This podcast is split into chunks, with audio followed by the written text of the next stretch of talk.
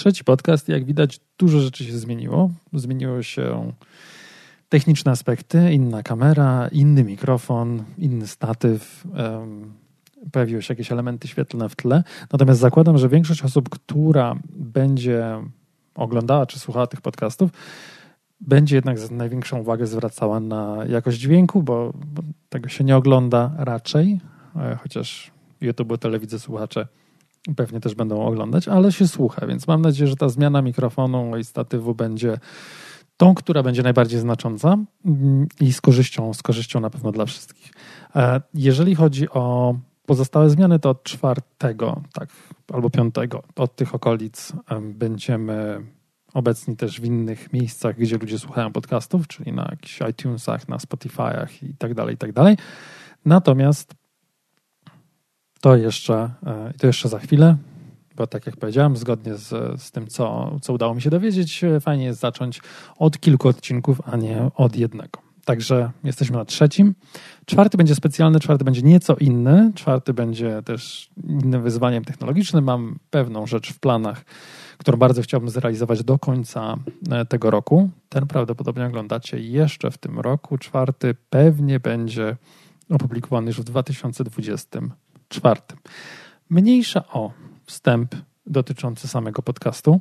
E, wydaje mi się, że to jest coś, co, co za, za gości z nami na dobre i jak będzie 79 e, podcast, to też będę opowiadał na początku o tym, co się zmieniło e, w kategoriach technicznych i technologicznych i, i w różnych innych aspektach wizualnych, czy też jakościowych itd. Tak itd. Tak ale, ale, żeby nie było tak um, nie na temat, to może przejdźmy do tematu. Temat dzisiejszy Temat dzisiejszy jest o tyle ciekawy, że pierwotnie nazywał się Programiści potrzebują Scrama. Ale tak sobie pomyślałem, że za dużo tych clickbaitów ostatnio na kanale hashtag białko, więc, więc może jednak e, nazwijmy go tak jak zgodnie z ideą tego, co, co chciałbym przekazać w tym podcaście, czyli to, że programiści nie wystarczą, albo że sami programiści to za mało. To są dwa warianty mm, tytułu. Na pewno na jeden z nich się zdecydują. O co chodzi w temacie mm, sami programiści to za mało, tudzież programiści y, nie wystarczą? No, chodzi o to, że bardzo często, a może często, może nie aż tak bardzo często, ale często można usłyszeć, że o jakby dać tym programistom spokoju programować, to wszystko by szło dwa razy szybciej, dwa razy lepiej. I o ile jeszcze jestem w stanie się zgodzić z tym dwa razy szybciej, przy pewnych warunkach, no to te dwa razy lepiej to już jest, e, to już jest grube założenie, y, z którym, z którym nie potrafię się zgodzić. Nie potrafię się zgodzić, bo tu następuje wstęp do, do całego, całego dzisiejszego półgodzinnego e, podcastu, bo z jednej strony mamy mm, coś takiego jak spełnianie potrzeb klienta, a z drugiej strony mamy coś takiego jak rozwój produktu. I wydaje mi się, że o tyle, o ile w wielu przypadkach osoby techniczne, nazwijmy to może szerzej, nie, nie skupiamy się tylko na biednych programistach, ale osoby techniczne świetnie sobie radzą z wytwarzaniem produktu, tak już te rzeczy, które są dookoła, są mm, zaniedbywane. I, i mam tutaj takie takie dwa główne, dwie główne nogi, na których stoi ten argument. A ponieważ, e, jak wiemy, żaden stołek nie ustoi na dwóch nogach, potrzebujemy trzech, to w ramach trzeciej nogi jeszcze opowiem o tym, jak to jest z tym Scrumem i czy faktycznie on, e, czy faktycznie programiści potrzebują Scruma i czy faktycznie daje on to, to co, co faktycznie jest potrzebne. Dwa razy faktycznie. Więc e, jak widzicie, e, podcast jest, staram się nagrywać e, bez cięć, bo cały czas w głowie mam te live'y, które gdzieś kiedyś na pewno nastąpią, ale to odłóżmy na bok. Tytułem wstępu jeszcze, może tak, może, może tytułem wstępu. Czemu o tym mówię, albo jakie sobie, skąd uzurpuję sobie prawo do mówienia na ten temat? Mam to szczęście, albo nieszczęście, zależy jak patrzeć, e, ale ja jednak odczuwam to jako szczęście i coś dobrego, że byłem przez wiele, wiele lat programistą. Było to też wiele, wiele lat temu, więc pewnie dlatego nikt e, albo mało kto kojarzy mnie z tej roli. Większość osób, mm, która nawet spotkała mnie na swojej zawodowej e, ścieżce kariery, zna mnie zupełnie innej strony. Natomiast nie da się ukryć, że może dałoby się, jakbym zmienił trochę historię moje, mojego profil na LinkedInie i, i, i, gdzie tylko, ale nie da się ukryć, że um, zaczynałem swoją karierę e, dawno, dawno temu jako, jako programista.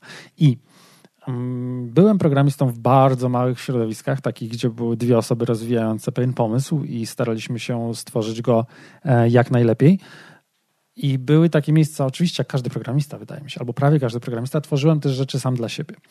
I takie rzeczy, które nie wymagały przecież dokumentacji, bo doskonale będę wiedział o co, o co mi chodzi i będę wiedział, jak się za to zabrać, i um, świetnie będę um, potrafił to dalej rozwijać, utrzymywać, kiedy przyjdzie czas na to, żeby zrobić coś, coś więcej.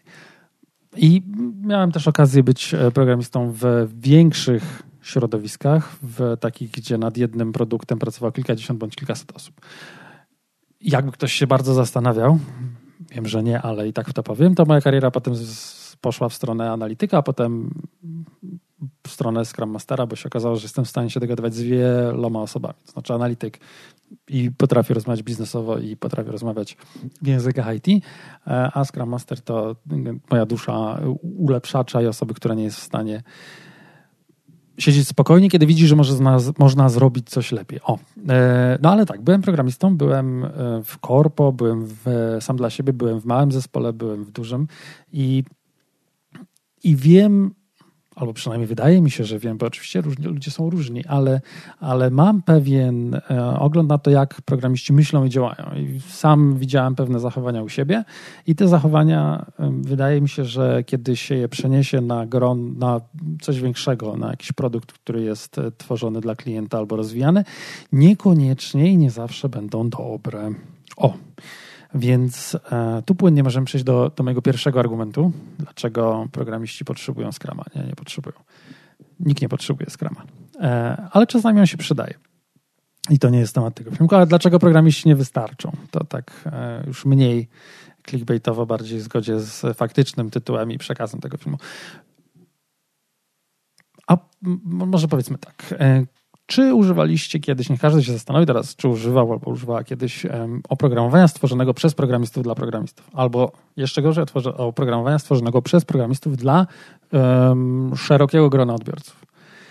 Bo, bo ja używałem i używam praktycznie codziennie, albo w każdym tygodniu używam pewnych narzędzi, które, które zostały stworzone w ramach jakichś open source'owych przedsięwzięć, i o, o tyle, ile jeszcze open source'owe przedsięwzięcia mają na, na sobie jakąś otoczkę taką project managementową i pewnych osób, które, które dbają o, o, o samą jakość produktu, to no to bardzo często są to rozwiązania, które są trudne w użyciu. To, I to jest bardzo delikatne mm, określenie po to, żeby nikogo nie urazić. Teraz muszę zerknąć do, do notatek, e, bo generalnie każdemu jest ciężko postawić się jako, y, jako odbiorcę. Nie? Wejść w buty odbiorcy i faktycznie, faktycznie pomyśleć, jak ktoś e, z tego korzysta. Ale rzeczy robione przez programistów, i to bardzo często takich, którzy sami z tego potem korzystają, są bardzo często zrobione nieintuicyjnie bądź nielogicznie, bądź po prostu dziwnie. I nawet nie chodzi o to, że niektóre opcje znajdują się nie w tych miejscach, w których byśmy się ich spodziewali, ale bardzo często jest tak, że pewne rzeczy są w teorii wygodniejsze do zrobienia, jak się zrobi tak, jak e, pomyślał mm, twórca. Czyli e, zobacz, wystarczy, że klikniesz tutaj, e, wpiszesz z palca jakieś 17 komend, które powinieneś przecież pamiętać i wszystko jest proste, nie wszystko dzieje się samo. No tylko fakt faktem, nie każdy ten sposób, tak sposób, w ten sposób działa. Nie? To nie jest tak, że, że ja zawsze w kontekście w kontekście takich rzeczy mówię o restauracji, nie? że jak pójdziemy do restauracji i coś, e, zamówimy jakieś danie i ktoś nam przyniesie to danie i ono nam nie smakuje, to nic, co powie szef kuchni, kelner, właściciel restauracji nie zmieni faktu, że nam nie smakuje. Nie? Jeżeli nam nie smakuje, to nam nie smakuje. No a tymczasem wiele takich rozwiązań tworzonych przez programistów jest, no oni na siłę nam próbują przekonać nas, e, na siłę próbują nas przekonać, że to, co oni zrobili, jest najbardziej efektywnym rozwiązaniem jakiegoś problemu. Bo wystarczy ściągnąć 17 e, różnych innych aplikacji pośrednich, rozpakować to wszystko w jednym miejscu, połączyć ze sobą, skonfigurować bardzo prostymi XML-ami albo w ogóle JSON-ami, czymkolwiek, YAMLem, jakimiś plikami, które mimo wszystko mają jakąś składnię trzeba to, to i, i, znać, żeby nie rozwalić i nagle mamy działające rozwiązanie. No nie, nie, tak to nie wygląda. Żeby nie było, oczywiście ja nie mówię, że wszystkie rozwiązania mm, open source'owe czy wytworzone przez programistów tak wygląda, ale bardzo często te osoby mają inny sposób postrzegania użytkownika niż, um, niż użytkownicy faktycznie są. Nie? Jeżeli to jest jeszcze by programmers for programmers, przez programistów dla programistów, czyli jakieś rzeczy techniczne, to jeszcze pół biedy, nie? Bo, bo to, że potrzebujemy pokonfigurować jakieś rzeczy i mamy, nie wiem, szybsze deploye na cloudzie albo y, lepsze statystyki, albo lepszy monitoring, no to, to są rzeczy techniczne, nie? Ale jeżeli robimy to dla szerokiego odbiorcy, to bardzo często takie osoby, które są techniczne, nie potrafią postawić się w roli tego odbiorcy. Nie potrafią wejść w jego buty i się zastanowić, jak on czy ona powinni, e, nawet nie powinni, jak on, czy ona będą używali czegoś. Mm, I tu na przykład w kontrze można postawić wszystkie aplikacje, prawie wszystkie aplikacje na komórki, które zdobyły popularność, bo one są mega proste do użycia i no nawet jeżeli moja mama zainstaluje Spotify, to będzie wiedziała, jak e, znaleźć jakiś utwór i go opuścić. Nie? Jeżeli... I to jest ta, ta różnica w stosunku do tych rzeczy, które powstają zupełnie, zupełnie inaczej. Żeby nie było. E, no to, to, to się rozwiązuje w bardzo prosty sposób, dodając do zespołu projektowego, nazwijmy, czy to w ogóle do zespołu rozwojowego, osoby, które nie będą Y, które zwrócą uwagę na to, że ktoś mówi, a nie, bo ty musisz to tak zrobić, to będzie prościej. Nie? Jeżeli ty już mi musisz tłumaczyć, jak ja mam zrobić prościej, to to nie jest prościej. Nie? Te osoby to analitycy, te osoby to e, UX designerzy, UI, e, UI-owcy. To są osoby, które są w stanie wyłapać takie rzeczy i są w stanie pójść w tę stronę, żeby to oprogramowanie tworzone jednak było e, było lepsze. To wydaje mi się, że troszeczkę za dużo na ten temat porozmawiałem, bo widzę, że mam jeszcze jeden punkt na, e, na ten temat. Znowu na ten temat. E, dzisiejszy odcinek odcinkiem dubli w, czy powtórzeń. Bo druga rzecz, która jest, e, która jest bardzo mm, istotna i to nawet nie może przy rozwiązaniach tworzonych przez e, programistów, tylko w sytuacji, w której wyobrazilibyśmy sobie, że wymagania trafiają bezpośrednio do programistów i oni je realizują tak, jak, tak jak zostały zapisane.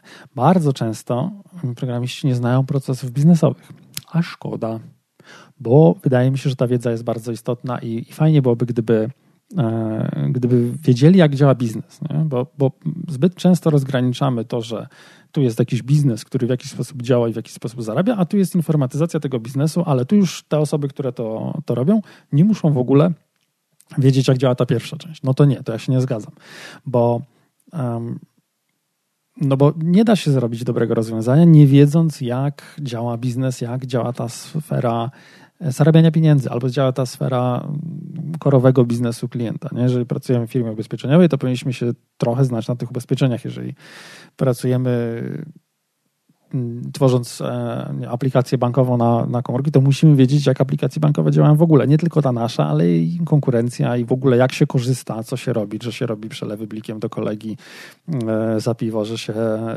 płaci podatki, że mm, sprawdza się stan konta i tak dalej, te wszystkie rzeczy. Nie? I teraz bardzo często, jeżeli trafiają wymagania do programistów, jakiekolwiek, albo nawet programista wyobrazi sobie, że jest jakiś, a czasami trzeba sprawdzić stan konta, nie? No to, to często nie umieści tego w kontekście działania całej aplikacji i nie umieści tego w kontekście procesów biznesowych, które gdzieś hulają przecież. No i to jest też problem, bo, no bo nie da się tak po prostu zrobić w oderwaniu od. Nie? Jak zrobimy funkcjonalność w oderwaniu od, no to to czasami dostaniemy drugą funkcjonalność. Będziemy mieli dwie równoległe, bo tu ktoś powiedział, że chce A, tu ktoś powiedział, że chce B, a nikt nie sprawdził, że A i B to jest to samo. Nie? Albo jeszcze gorzej, A i B wtedy działa zupełnie inaczej, chociaż to jest tak naprawdę ta sama rzecz. no i tu też przypomniał mi się mój, mój newsletter e, z dzisiaj, bo dzisiaj nagrywam, ale filmik obejrzycie tydzień po, po tym, kiedy ten newsletter był wysłany, więc jeżeli ktoś chce go otrzymać, bo on na przykład go nie otrzymał, to niech się zapisze na listę mailingową i poprosi o e, newsletter o wymaganiach i o życzeniach. to wtedy podeślemy ten, ten konkretny. Ale generalnie, jeżeli będziemy zawsze mm, w ciemno iść z wymaganiami klienta, czy spełniać to, co ktoś chce, no to albo będziemy robić rzeczy bez sensu, albo będziemy duplikować e, rozwiązania, albo będziemy robić rzecz, wyjątki, nie? które są ciężko utrzymywalne, potem ktoś będzie musiał nad nimi panować i tak dalej, i tak dalej. I to jest, e, to jest problem, bo nie wystarczy robić tego wszystkiego, co przy, z czym przyjdzie do nas klient. Nie? To jest, e, to jest, to jest ta, ta, ta moja pierwsza teza tak naprawdę. A druga moja teza która wspiera to, że sami programiści nie wystarczą. Czy jesteśmy, ktoś mógłby podejrzewać, że jesteśmy w połowie, ale powiedziałem, że będą trzy części. Więc jesteśmy w jednej trzeciej. Druga e, teza, która, która wspiera to stwierdzenie, że no, mm, programiści nie wystarczą, albo programiści potrzebują czegoś więcej, albo kogoś więcej, no to jest to, że tworzenie rozwiązań informatycznych to nie jest tylko i wyłącznie programowanie. Mówiliśmy już o analizie, to jest jeden aspekt, ale ważne jest też i zarządzanie klientem, i samo zarządzanie projektem.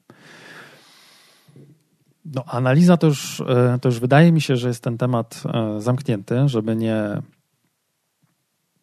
powtarzać się, tego podsumuję. Znaczy, w ramach działań analitycznych warto by sprawdzić, czy zaproponowane przez klienta rozwiązania wspierają jego potrzeby biznesowe, bo potrzeby biznesowe i, e, i wymagania to często są różne rzeczy. Nie? Potrzeby biznesowe i wymagania są na innym poziomie, a na pewno na innym, jeszcze na innym poziomie są funkcjonalności. Nie? Funkcjonalności spełniają jakieś potrzeby biznesowe albo realizują jakieś wymagania. I teraz warto jest e, działać w ten sposób, żeby to faktycznie było prawdą. To znaczy, że to, co my wytwarzamy, spełnia jakieś potrzeby biznesowe, a zaspokaja jakieś potrzeby biznesowe albo spełnia jakieś wymagania. Nie? I do tego potrzebni są nam analitycy, analiza, osoby o zdolnościach analitycznych, product owner na przykład, albo, albo analitycy w zespole, różnie. E, więc to jest to. E, jest też ten aspekt zarządzania klientem i zarządzania projektem. No i zarządzanie projektem to akurat chyba najłatwiej zrozumieć, że programiści nie są od tego, czyli budżet, staffing, um, umowy, ale też takie rzeczy jak dalsze plany, jak e, utrzymanie tego klienta, jak zapewnienie ciągłości, jak, e, rozwój, jak utrzymanie i dalszy rozwój, jak um, jakakolwiek być może roadmapa na, na, na dalsze. No, generalnie są takie aspekty rozwoju, które albo wybiegają trochę w przód, albo dotyczą rozliczeń i takich nudnych rzeczy, których osoby w zespole najchętniej by w ogóle nie dotykały. Ja to rozumiem też, jak byłem w zespole, to najchętniej bym się nie przejmował budżetem czy, e, czy umowami, bo to nie ma sensu. Nie? Jakby to nie jesteśmy od tego, żeby, mm, żeby się przejmować. Jest, jesteśmy w zespole od tego, jako deweloperzy, czyli tak rozumiani skramowo, jako osoby dewelopujące, czyli rozwijające produkt. Jesteśmy od tego, żeby rozwijać produkt, kropka, a nie od tego, żeby zajmować się jakimiś e, innymi rzeczami. Więc to zarządzanie projektem też gdzieś jest potrzebne, no bo co z tego, że zrobimy cudowną rzecz, która nigdy nie zarobi, albo której klient nie kupi, bo nie dopełniliśmy jakiejś formalności, albo której nie możemy wypuścić na rynek, bo nie spełniliśmy jakichś uregulowań albo wymagań jakiegoś um, regulatora. To, to, to, te rzeczy może ostatnie to są po części, dalej to jest punkt analiza, ale mimo wszystko project management bardzo często też na to zwraca uwagę. I ten zarządzanie projektem gdzieś jest potrzebne. To zarządzanie projektem też jest potrzebne. Tu mi się przypomniała historia Artura z kolei z innego newslettera. Nie pamiętam z którego, więc tym razem nie, nie, nie mogę obiecać, że ktokolwiek go podeśle. E, odnośnie tego, że zespół, mały zespół zrealizował jakąś rzecz, która w instytucji finansowej zarobiła, nie pamiętam, dziesiątki milionów dolarów albo coś takiego. No i ten zespół dostał mizerną premię w rodzaju tam wiem, jednej pensji czy coś takiego za zrealizowanie tego projektu. Przy czym tam akurat ROI było bardzo łatwe do wyliczenia, bo dzięki temu, że pojawiło się jakieś rozwiązanie informatyczne, można było zarobić konkretne pieniądze. Jakby to była relacja jeden do jednego.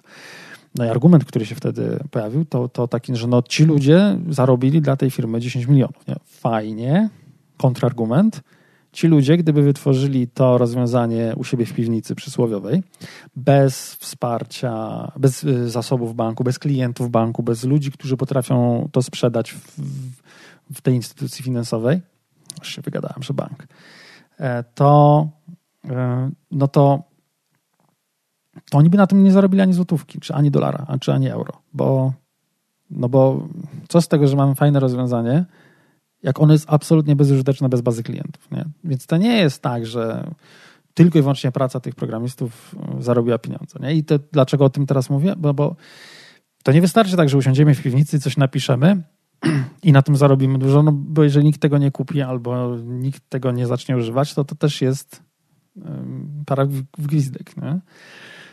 Okay. czyli już mamy, że rozwiązanie, mm, tworzenie rozwiązań informatycznych to nie jest tylko samo klepanie kodu, bo gdzieś musi być jakaś analiza, żeby te rozwiązania były przydatne.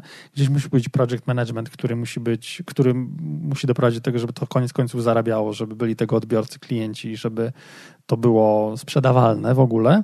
No i gdzieś musi być zarządzanie klientem. Nie? I zarządzanie klientem jest takim aspektem, który też często jest pomijany. To znaczy, słyszałem takie teorie. Mam nadzieję, że wy nie słyszeliście, albo że słyszeliście i, i nie będzie tak, że mnie ktoś zje zaraz za, za, za mówienie takich rzeczy. Ale słyszałem takie teorie, że programiści mogliby sami wszystko robić, uwaga, bo klient przychodzi, mówi co chcemy, to dewelopujemy, dajemy to klientowi, on jest zadowolony, płaci za to. Nie? Super po co e, jesteśmy w stanie to wycenić, więc po co jakiś project management, po co w ogóle tutaj, e, nawet jeżeli mamy analityków w zespole, nie, to super, mamy analityków w zespole, jesteśmy w stanie przeanalizować te funkcjonalności, klient przychodzi, bierzemy to, co mówi, że potrzebuje i robimy. Nie? Ja widzę co najmniej jeden problem w tym, w tym podejściu, to znaczy klient nie zna się na informatyce, na tworzeniu oprogramowania, na rozwoju systemów informatycznych, zna się na biznesie, wie czego potrzebuje, owszem, i może mu się wydawać, że potrzebuje mm, jakiegoś rozwiązania na przeliczanie jakichś rzeczy, albo jakichś raportów korzystających z pewnych danych, albo i tak dalej, i tak dalej. Tylko klient nie jest świadomy, jak wygląda tworzenie oprogramowania i jak wygląda jego utrzymanie i dalszy rozwój. Nie wie też, mm, jakie są alternatywy to jest taki klasyczny moment, w którym przychodzi klient i mówi, a potrzebuję na tym ekranie okienko, żeby mógł wpisać taką wartość, która się zapisze tu i tu. I możemy nawet czasami to zrobić. I czasami nawet wszyscy będą zadowoleni, że to działa. Natomiast y, czasami się okaże, że ta wartość już była gdzieś zbierana i teraz mamy dwa razy ją zbieraną. E, czasami wynosi ona tyle, czasami wynosi ona zupełnie in, inną liczbę, inną wartość wartość wynosi liczbę. Mówiłem, że to będzie odcinek z, z, z no, dublowaniem słów. Czyli ta wartość ma inną wartość w zależności od tego, gdzie była wpisana. No i mamy tą dane dwu, daną zbieraną dwukrotnie i nagle co? Nie wiadomo. Więc to jest jedna pułapka, nie? że ktoś przyjdzie i powie, powie takie rzeczy. Inna że pułapka to jest no, ta, zresztą, która opisałam w newsletterze, że um, zrobimy nagle wyjątek, potem przyjdzie ktoś, zrobimy kolejny wyjątek i potem mamy ekran, na którym jest 730 wyjątków. I to już jest nieutrzymywalne, bo my tak naprawdę nie wiemy, co jest w środku. Nie? Znaczy, może i zrobimy to dobrze e, i w taki sposób, żeby to było utrzymywalne, ale szanse na to ja widzę małe. To znaczy, wydaje mi się, że mm, raczej zrobimy to na szybcika, oifujemy i potem mamy jakiś ekran z 700 ifami, które nie wiemy skąd są i czemu służą i po co w ogóle to wszystko. Więc są i takie rzeczy. Są też takie rzeczy, że klient przyjdzie, coś będzie chciał, yy, będzie chciał rozwiązania jakiegoś problemu i przyjdzie z nas z rozwiązaniem tego problemu. My o tym problemie w ogóle nie wiemy, zrobimy samo rozwiązanie, a po czym klient do nas przychodzi i mówi, że ale przecież to w ogóle nie jest to, co mi było potrzebne, czemu daliście mi taki szajs, nie? No i co możemy odpowiedzieć? No bo chciałeś taki szajs, nie? Ale, no ale czemu... Yy, czemu my przystaliśmy na zrobienie tej rzeczy, chociaż widzieliśmy, że nie tędy droga. Nie? No, może nie wiedzieliśmy, bo nie dopytaliśmy, ale pytanie wtedy, czemu nie dopytaliśmy?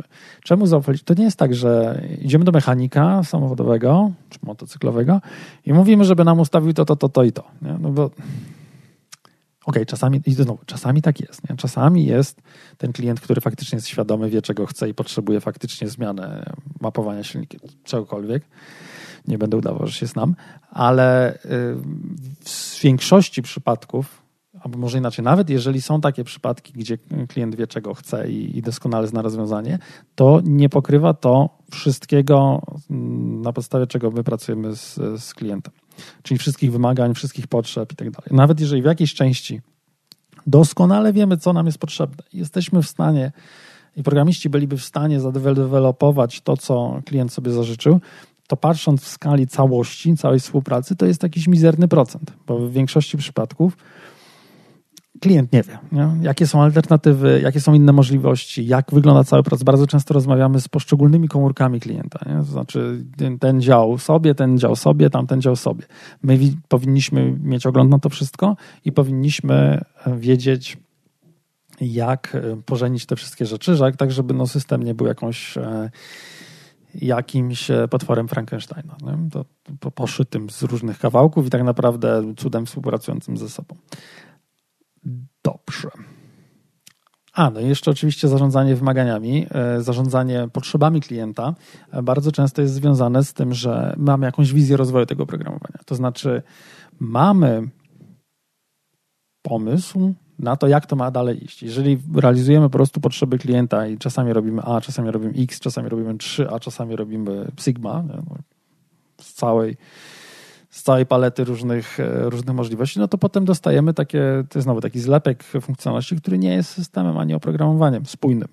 Jest czymś dziwnym, które, czymś, co wcale nam mm, nie służy do niczego, albo jeszcze gorzej, cały czas mieszamy roadmapy i tak naprawdę nigdy nie skończymy, nie? bo cały czas robimy inne aspekty danego rozwiązania i, i, i nie, to nie zmierza w żadną stronę. Jest. Mam nadzieję, mam wrażenie, że jak się tu rozgadałem w tych takich czarnych scenariuszach, żeby nie było, że tak zawsze jest. Nie? No, tak jak powiedziałem, czasami są sytuacje, w, której, w których mm, klient doskonale wie, czego chce. Nie? Potrzebuje faktycznie i potrzebuje faktycznie na tym ekranie to pole do wprowadzenia tej wartości. Tylko to pole musi być potem gdzieś obsłużone, musi być potem gdzieś pokazane. Ono być może może być zmienione, być może nie. Może są jakieś uprawnienia, może każdy może to wpisać. Może... Jest dużo aspektów, który, których klient sam nie pokryje, bo nie ma o nich pojęcia. I dobrze, żebyśmy my mieli o nich, o nich pojęcie, bo jeżeli my też nie mamy o nich pojęcia, no to no to po co my w ogóle, to faktycznie niech programiści mówią, robią, dewelopują wszystko, co, co przyniesie klient. Nie? Dobrze, no ale, ale jeżeli mamy jakiś e, pomysł na rozwój, jeżeli mamy jakiś, jakąś roadmapę, jakiś, e, chcemy jakieś potrzeby, te potrzeby zrealizować w jakiś określony sposób, to fajnie by było to fajnie by było nad tym panować i nie brać wszystkiego na klatę i nie realizować wszystkich potrzeb i życie, życzeń i zachcianek klienta, tylko jakoś ten produkt tutaj rozwijać. Dobrze, sensownie, w sensie jak ten, ten produkt e, fajnie byłoby móc rozwijać sensownie. No i teraz, bo zbliża się północ, a zbliża się też już mm, czas tego nagrania. Ten, ta trzecia nóżka. Czy faktycznie programiści potrzebują Scrama? Uwaga, kontrowersyjna odpowiedź. Absolutnie nie. To znaczy, programiści potrzebują ról dookoła, które sprawią, że rozwój produktu czy tworzenie tego oprogramowania ma sens, jest celowe i spełnia potrzeby klienta, zarówno teraz, jak i w przyszłości, bo nie jest trudno dodać ten, ach, się uczepiłem, dodać ten, to, to, to, to pole na tym ekranie. Tylko chodzi o to, żeby to oprogramowanie, które tworzymy, było utrzymywalne w przyszłości, miało jakiś sens, nie było, y, no nie było takie połatane. I to pole bardzo często jest czymś więcej niż tylko tym polem i tą daną, która się za nim kryje.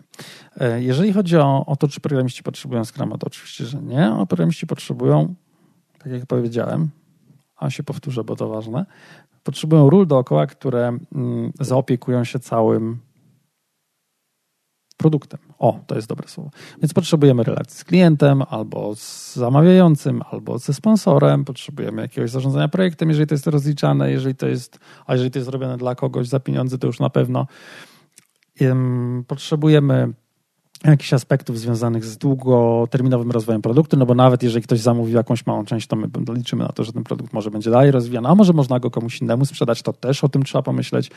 Potrzebujemy tych ludzi na pewno, którzy wczują się w klienta, w, w użytkownika, w odbiorcę, w osoby, które będą klikały i będą w stanie nam wejść w buty tych osób i zrobić rozwiązanie, które będzie użyteczne dla tych konkretnych osób, a nie dla nas, programistów technicznie, bo my sobie w linii komend wszystko wpiszemy i będzie cudownie, bo nie o to chodzi. Um, aspekty projektowe już powiedziałem, finansowe i tak dalej. No i teraz co z tym Scrumem w tej całej układance? Czy ten Scrum jest y, tutaj odpowiedzią na to? Uwaga, jest. Jest, bo Scrum wydaje mi się, że opiekuje się bardzo fajnie wieloma rzeczami, o których dzisiaj przez ostatnie pół godziny mówiłem. To znaczy, mówimy, że mamy zespoły cross-funkcjonalne, które potrafią wytworzyć jakieś funkcjonalności, czy też jakiś produkt rozwijać od A do Z. To znaczy, na pewno tam mamy osoby związane z programowaniem, jasne, z testowaniem oczywiście, ale też z analizą, z podejściem do, mm, do tych wymagań klienta z biznesem, czyli analiza systemowa, biznesowa, jak zwał, tak zwał, jedna i druga. E, na pewno, jeżeli chcemy robić rozwiązania dla szerokiego odbiorcy, czyli takie, które kierujemy na rynek, gdzie używać może ich każdy, jakieś aplikacje na komórki, aplikacje webowe, no to UX, UI raczej by się przydał. Nie? Albo mamy osoby o silnych kompetencjach w zespole, albo, albo co? No, nie opiekujemy się tym aspektem, więc na pewno mam. Więc te zespoły cross-funkcjonalne w Scrumie to jest jedna rzecz. Druga rzecz to jest osoba product ownera, która y, zapewnia to, że mamy jakąś wizję, mamy jakąś potencjalnie roadmapę, a minimum cel produktu, którego nigdy nie ma, ale to temat na inny podcast. Mamy mm, tego product ownera, który też utrzymuje relacje z klientem, który dba o to, żeby to, co powstajemy, było użyteczne, żeby, żeby złapać kontekst potrzeb biznesowych, a nie tylko i wyłącznie funkcjonalności. Nie? Czyli nie potrzebuję pole na ekranie. Och, się uczepiłem. A i znowu zresztą się powtarzam, więc to jest zgodnie z zapowiedzią y, po raz kolejny. Powtórzę, że podcast powtórzę. Mamy product ownera, który opiekuje się klientem, który dba o rozwój tego produktu, który dba o to, żeby te rzeczy, które robimy, były faktycznie potrzebne i wartościowe dla naszego klienta. Nie mamy w Scrumie aspektu projektowego w ogóle, budżet rozliczenia. Czasami za to jest też odpowiedzialny product owner, wtedy jest to jakiś product owner o project manager. Czasami jest, najczęściej jest to rola osobna, gdzieś project manager jest z boku. Jeżeli jest to development wewnętrzny, to czasami nawet się okazuje, że project managera nie ma, bo zespół Scrumowy nas kosztuje stałą kwotę co sprint i my tylko patrzymy, czy to, co wytworzyliśmy, też jest temat na inny podcast, czy to, co wytworzyliśmy w danym sprincie zadowala nas w kontekście tych pieniędzy, które to kosztowało. Uf, e, więc mm, Scrum jest całkiem niezłą odpowiedzią na to, żeby programiści nie zostali sami na placu boju, bo to jest, e, to jest tak naprawdę e, to i żeby mogli w spokoju pracować. W spokoju, to znaczy po refinemencie, to znaczy uwzględniając to, że mamy takie rzeczy jak review, wspomniane już refinementy, dyskusje z product ownerem i ścisłą pracę z product ownerem po to, żebyśmy wiedzieli, co rozwijamy i po co. Więc jest to przykład na to, jest to tylko i wyłącznie przykład, Scrum jest tylko i wyłącznie przykładem na to, w jaki sposób można się zaopiekować tematem tego, żeby programiści nie, mm, nie byli zostawieni samym sobie i też, żeby nie mieć tych problemów związanych z tym, że o, tylko i wyłącznie programiści rozwijają jakieś rozwiązania.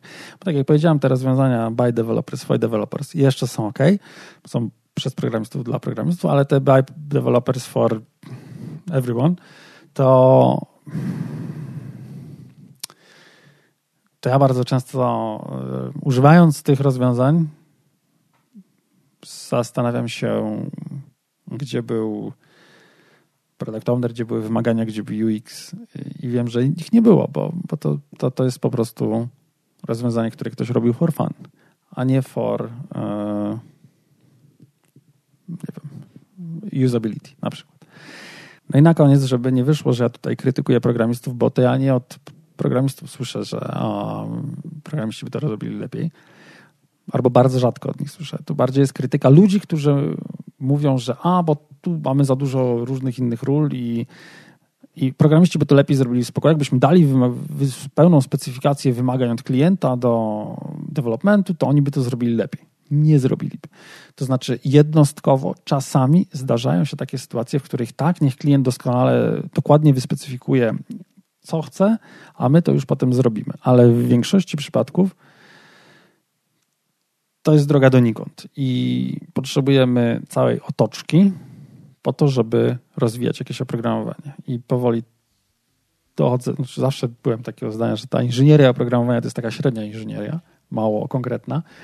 E, a im więcej się z tym spotykam, im bardziej skomplikowane zrobiły się rozwiązania korzystające z wielu różnych technologii, które, e, które bardzo szybko się rozwijają, dużo szybciej niż nie wiem, czy 10 czy 20 lat temu, e, typu AI, typu cloud i, i tak dalej. Te wszystkie rozwiązania, one turbo szybko żyją. I wydaje mi się, że nie możemy tu sobie pozwolić na to, żeby po prostu robić na rympał to, co, to z czym przyszedł klient. O, więc taka jest moja odpowiedź na, na to stwierdzenie, że programiści lepiej by to zrobili sami. Nie zrobiliby. Programiści, sami programiści to za mało i nie wystarczą do tego, żeby rozwijać, e, rozwijać oprogramowanie.